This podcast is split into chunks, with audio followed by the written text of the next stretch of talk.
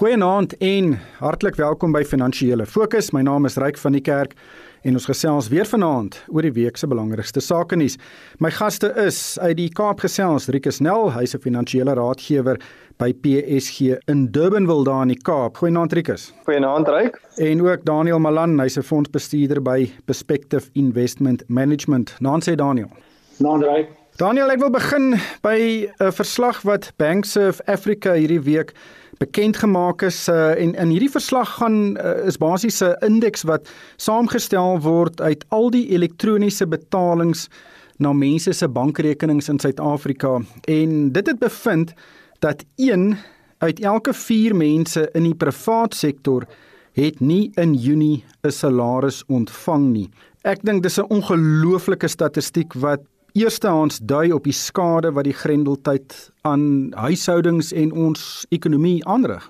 Ja, Ryk, ek meen ek ek dink nie dit is miskien te veel van 'n verrassing vir meeste mense nie. Ek ek uh weet die ekonomie, die impak van die ekonomiese sluiting is absoluut dramaties. En tensy jy onder 'n klip gelê en slaap vir die laaste 6 maande, die impak in die restaurantindustrie en hotelle, jy praat van honderde duisende, miljoene mense wat hulle werk reeds verloor het en wat besig is om hulle werk te verloor en dit is net 'n eenvoudige sosiale totale disaster. Rikus, kan jy by jou kliënte sien dat hulle hulle werk verloor en dat hulle nou moet raap en skraap om uit te kom? Ryk definitief van die kliënte wat besê ook uh, eh, senior pos in die privaat sektor en besighede uh, beklee moes beduidende salaris korte of snye snyding in hulle verdienste ervaar het. Daai verdienste is enigstens tussen 30 en 35 en party van die besighede het geen verdienste vir hulle senior personeel gegee nie. So dis absoluut so. Ek ek dink is uh, dis 'n dramatiese impak. Ek het nie spesifiek die syfer uh, se samestelling net 'n ding wat miskien net kan bydra tot dit. Ek weet dat in April en Mei dat werkgewers vir hulle werknemers ook betaal het en dat van die TERS en die werkloosheidsversekering betalings deurgekom het en dat van die werkers definitief in Mei en Junie dalk dubbel betaal is of in 'n vorige maand dubbel betaal is wat kan bydra tot die syfer dat werknemers nie in die laaste opname daai betaling gemaak is nie. Maar ongetwyfeld, ek dink wat ek wel hoor onder werkgewers is 'n baie hoë lojaliteit teenoor hulle werknemers, maar realisties hardloop mense se reserves uit en hulle probeer dit natuurlik so oordeelkundig gebruik. Ek dink dit is belangrik om ook te noem dat die ters betalings van die werkloosheidsversekeringsfonds sou in einde Junie ten einde geloop het, maar is nou verleng met 6 weke en hopelik kan die inperking verder verslap word aan die einde van hierdie 6 weke tydperk want as daardie betalings stop Daniel dan kan dit geweldige sosiale probleme en dalk ook stabiliteitsprobleme veroorsaak. Ja, Ryk, ek het uh, gister 'n gesprek gehad met 'n sakevrou met 'n kleinhandelbesigheid wat interessant genoeg noem dat werknemers het hulle UIF betalings ontvang en en ters betalings en maar toe wil hulle staak want hulle wil ook hulle salaris kry by haar. jy kan dink net die impak van dit op 'n sake op 'n sakeman, sakevrou in 'n klein onderneming ewe skielik. Die mense wil nie kom werk nie, maar hulle kry twee, hulle wil twee keer hulle inkomste kry. so daar's allerlei dit skep allerlei vreemde wat noem hulle Engels unintended consequences. So dit is weer maar weer eens 'n voorbeeld van die distorsies wat op die oomblik in die ekonomie wêreldwyd gebeur en uh, dis absoluut skokkend. Rikus die Amerikaanse ekonomie het in die tweede kwartaal met 32% gekrimp. Dis natuurlik op 'n jaargrondslag seisoen aangepas. Dis 'n lang definisie daarvan maar mens kan dit seker net interpreteer. Daar was 'n baie baie groot daling in ekonomiese aktiwiteit. En as mens dit sien wat in Suid-Afrika gebeur daar was ook 'n peiling wat gesê het dat uh, omtrent 75% van alle ondernemings verwag 'n wesenlike daling in hulle verkope en ook winsgewendheid. En ek dink die punt is hoe langer hierdie aanhou hoe groter gaan die skade wees. Ja, is absoluut so. Ek sien uh, dis die grootste daling sedert die 1940s wat natuurlik gepaard gegaan het met die Tweede Wêreldoorlog. Die vrees is oor die tweede golf wat moontlik te verdere lockdown of, of grendelmaatreëls gaan gaan benodig, maar die impak op hierdie dominante ek ekonomie wêreldwyd, dit wys vir mense hoe wyd dit strek, hoe verteenwoordigend dit internasionaal is en ook hoe werklik dit is vir selfs uh, jou ontwikkelde lande en dan uh, natuurlik die vrees wat dit weer inboesem vir vir ontleikende en die risiko's wat dit vir ontleikende besighede uh, vir ontleikende lande inhou wat met hierdie lande handel dryf.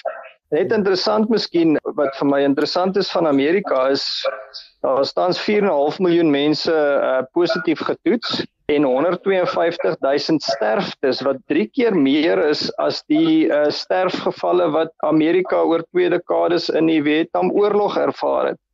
so dit ek dink president Trump is op 'n baie moeilike plek op die oomblik. Ja, ek dink nie een regering het dit al reg gekry om die balans reg te kry tussen ekonomiese verwoesting en die beperking van die verspreiding nie. En ek dink daar gaan nog seker baie teses daaroor geskryf word in die toekoms. Daniel, ek wil gesels ook oor 'n paar koöperatiewe aankondigings wat hierdie week gemaak is. En seker die vernaamste ene was Steinhoff wat uiteindelik gekom het met 'n aanbod aan die eisers wat mense wat sake teen die maatskappy gemaak het om van hulle geld terug te kry en Steinhoff sit nou 18.5 miljard rand op die tafel neer om al hierdie eise te skik. Dis 'n lae bedrag is omtrent 14% van die ek dink 140 miljard rand wat mense by Steinhoff soek. Hoe sien jy hierdie aanbod van van Steinhoff?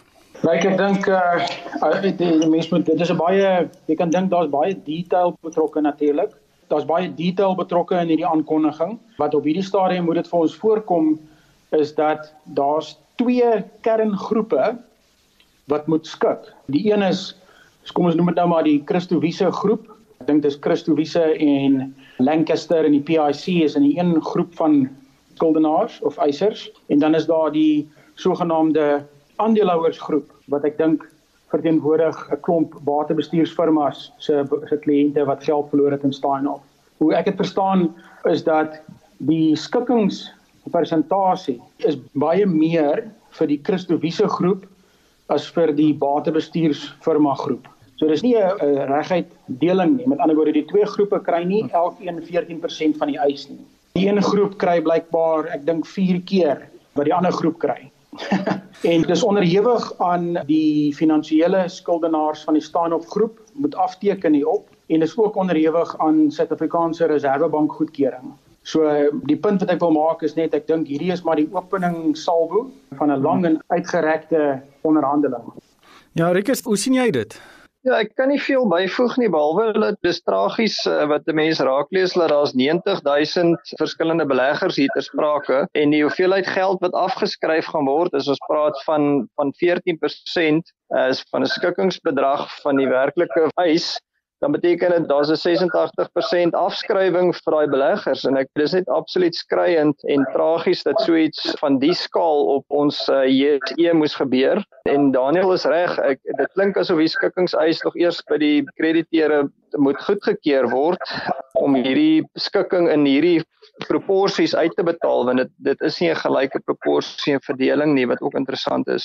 Ja, dis 'n interessante besluit wat jy moet neem. Kry min geld vinnig of kry dalk min geld later. Dit is 'n interessante voorstel. Miskien kan nou onderhandel word om daai bedrag 'n bietjie te rek, maar ons sal dit fyn dophou. Ook Daniel eh, Sasol het hierdie week gesê hy het 'n groot suurstofaanleg in Sekunda vir 8.5 miljard rand verkoop.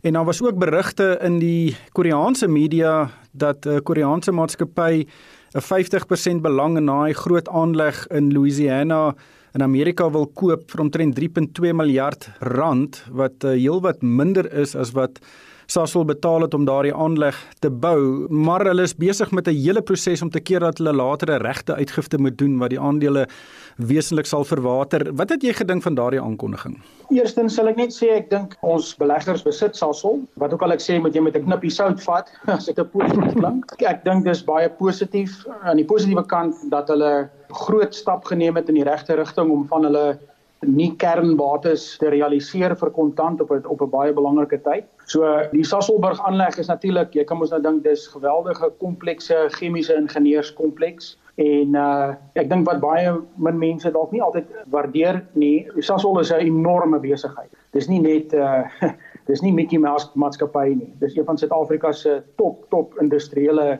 sterk firma en hulle sit met geweldig baie bates reg oor die wêreld, nie net in Sasolburg nie sterk markandeel. So dis baie aantreklike energie en chemikalieë besighede vir die wêreldmarkte. En ek dink hierdie is maar net 'n voorbeeld van een klein komponent van Sasol wat hulle kon realiseer vir 'n enorme bedrag geld.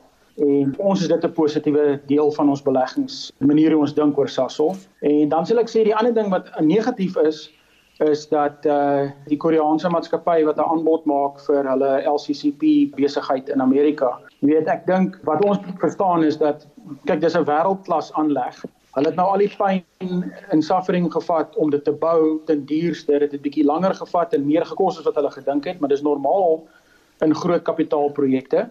En uh, wat baie keer gebeur is dat as jy bietjie in die moeilikheid kom, dan is daar 'n klomp koöperatiewe aasvoëls in die wêreld wat maar kans vat om te kyk of jy swak genoeg is om teen 'n belaglike prys 'n gedeelte van daai aanleg te verkoop. Van ons kant af, ons dink dis maar net 'n aasvoël wat 'n kans vat. En as Sasol bereid sal wees om 'n belang te verkoop teen hierdie prys, sal dit vir ons 'n verskriklike verleentheid wees vir die maatskappy. Ons sal persoonlik verskriklik kwaad wees vir Sasol as hulle so stupid ding doen. Rikus, is dit 'n ridder op 'n wit perd of 'n aasvoël?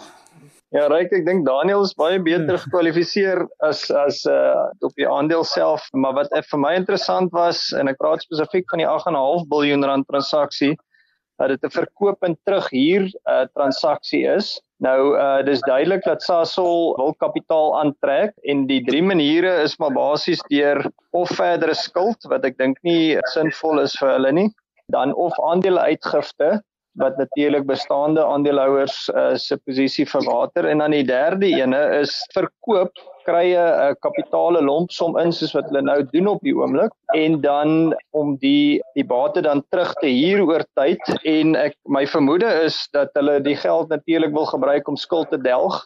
En dan hopelik met die terughuur transaksie uh, hoop vir 'n beter olieprys met 'n meer normale internasionale ekonomie. So ek dink is 'n baie slim strategie van wat ek van dit kan sien, maar soos ek sê Daniel is is beter gekwalifiseer op dit as ek. Ja, dit is baie interessant. Daniel se perspektief is baie interessant want verskeie ander ontleeders het gesê verhoed net die regte uitgifte ten alle koste.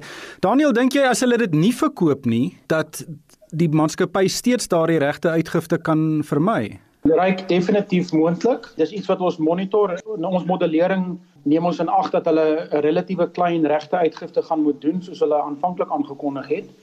Maar soos ek vir jou sê, Sasol is so 'n groot en komplekse besigheid dat daar het nog geweldig baie opsies. Soos ek gesê het, hulle sit met geweldige aanlegte en belange reg oor die wêreld in verskeie dele van die energiekompleks. So dis nie dis 'n baie fluid situasie Op hierdie stadium dink ek dis mense moet nie naïef wees nie. Dis waarskynlik 'n bietjie veiliger om te dink dat hulle nog steeds 'n bietjie geld gaan moet in 'n regte uitgifte, maar neem in ag dat hulle reeds daardie potensiële regte uitgifte laat onderskryf deur hulle bankiere. So ek dink as 'n belegger weet jy daarom daar is uh, van hulle finansiers wat wat dit reeds ondersteun het natuurlik teen 'n lekker fooi. So dis maar net iets om in ag te neem. Eh, ek wil net uitwys dat die deel van die Sasolburg kompleks wat hulle nou verkoop het is eintlik net 'n suurstof separating unit Ja, dit het niks uit te waai met energie nie. Hulle het dit verkoop aan Air Liquide wat een van die wêreld se top industriële gasmaatskappye is. Ja, die aanleg is skynbaar die grootste suurstofaanleg in die wêreld. Dit is 'n enorme ding. Maar uh, Rikus kom ons gesels oor die wisselkoers. Ons het hierdie week gesien dat die wisselkoers met omtrent 5% heen en weer beweeg het. Dit is regtig baie baie wisselvallig op die oomblik. En as mens dit nou saam sien met wat in Amerika gebeur het, die ekonomie wat daar so uh, hou gekry het en ook die Federale Reserve wat gesê het hulle voorsien dat rentekoerse nog vir lank laag gaan bly. Is dit die die, die redes hoekom die rand so wisselvallig was en omdat beleggers sentiment verander het? Ja, reik so ons het eers vroeër die week of einde laasweek en vroeër die week gesien dat die rand eers lekker versterk het teenoor die Amerikaanse dollar en die dollar het, het bietjie swakker vertoon en van daai verswakking weer opgemaak nou na die einde van die week toe.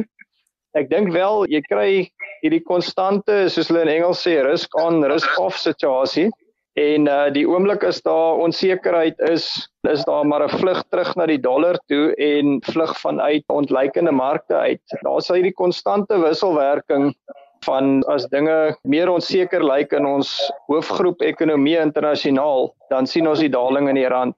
Net vinnig Daniel, wat is jou siening van die wisselkoers? Ryk ons soos jy weet, ons is nie korttermyn, ons neem nie korttermyn sienings nie. Ek sou ek ondersteun wat wat Rieke sê in terme van korttermyn kontantvloeye wat maar die rand op en af laat beweeg. Ek dink Rieke is 100% korrek. Die Amerikaanse dollar het 'n uh, 10 jaar tot 15 jaar bullmark gehad en dit wil voorkom asof die Amerikaanse dollar 'n bietjie begin omrol en dit uh tesame met die invloed van monetêre beleid wêreldwyd om letterlik geld uit helikopters uit te voeter. dit, dit gaan inflasie skep in reële bates soos kommoditeite en dit beteken dat die kommoditeits wisselkoerse in die wêreld soos die Kanadese dollar, die Australiese dollar en die uh, rand kan potensieel 'n uh, wind van agteraf kry vir die voorsienbare toekoms wat uh, potensieel wat mense in ag moet neem as jy net kyk na die rand. Die fundamentele syfers op die rand, ons syfers wys nog steeds dat die rand is goedkoop op hierdie vlakke. En dit word ondersteun deur besoekers aan ons land wat wat sê dat ons ons restaurante, die kos, wyn en so voort wat hulle hier kan koop as as dit te koop is, is op die oomblik goedkoper as wat hulle betaal in die res van die wêreld. So daar is fundamentele ondersteuning dat die rand is 'n bietjie te swak op die oomblik. Ongelukkig het die tyd ons ingehaal. Baie dankie aan Daniel Malan, hy's 'n fondsbestuurder by Perspective Investment Management en ook Rikus Nel, hy's 'n finansiële raadgewer by PSG. En van my ryk van die kerk, dankie vir die saamluister en ek hoop almal het 'n winsgewende week.